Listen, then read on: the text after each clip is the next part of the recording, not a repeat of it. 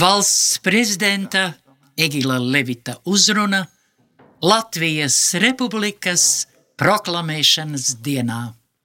Dārgā Latvijas tauta!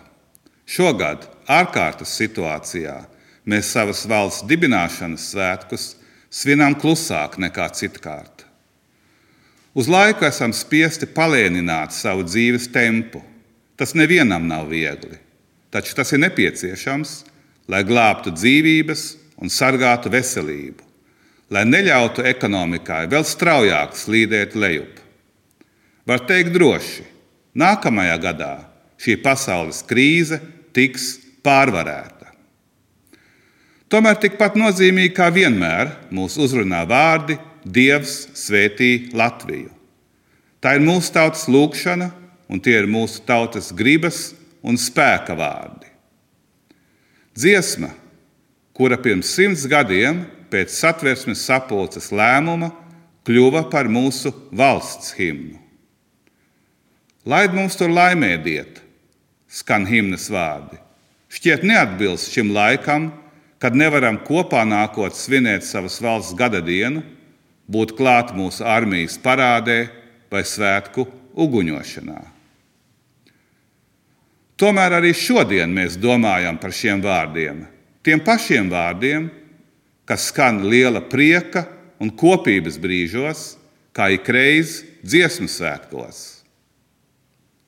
Tiem pašiem vārdiem, laid mums tur laimēdiet, mūsu Latvijā, ko pie sevis dziedāja Lidija Doroņina Lasmane un neskaitāmi citi latvieši Sibīrijas lēģeros. Tur himna deva cerību, kurā patvērties, lai izdzīvotu. Simts gadus, kā valsts himna, bet vēl ilgāk, jau gandrīz 150 gadus, Dievs svētī Latviju, skan mūsu zemē gan mierīgos, gan priecīgos, gan tautai traģiskos laikos.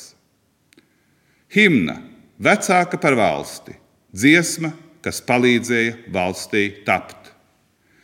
Iesākumā kāds acīgs krievu cara cenzors aizliedza vārdu Latvija, tā vietā ļaujot minēt vien Baltiju. Viņš nojauta enerģiju, ko Latvijas vārds, skaļi izdziedāts, dotu latviešu pašapziņai. Toreiz vārda Latvija aprises vēl tikai skaidrojās, un nozīmes dziļums tapa. Baumaņu Kārlis, mūsu himnas autors, tautas ilgas ietvēra vārdā. Vārds palīdzēja tapt valstī. Lai mums tur laimēdiet, mūsu Latvijā, pauž tautas gribu un apziņu par savām tiesībām. Sapnis par mūsu Latviju, kas īstenojās 18. gada 18. novembrī, vēl bija jānosargā neatkarības kara kaujās Latvijas de jure atzīšana, kam pavisam drīz, janvārī, svinēsim simtgadi, starptautiski apliecināja šīs mūsu dabiskās tiesības.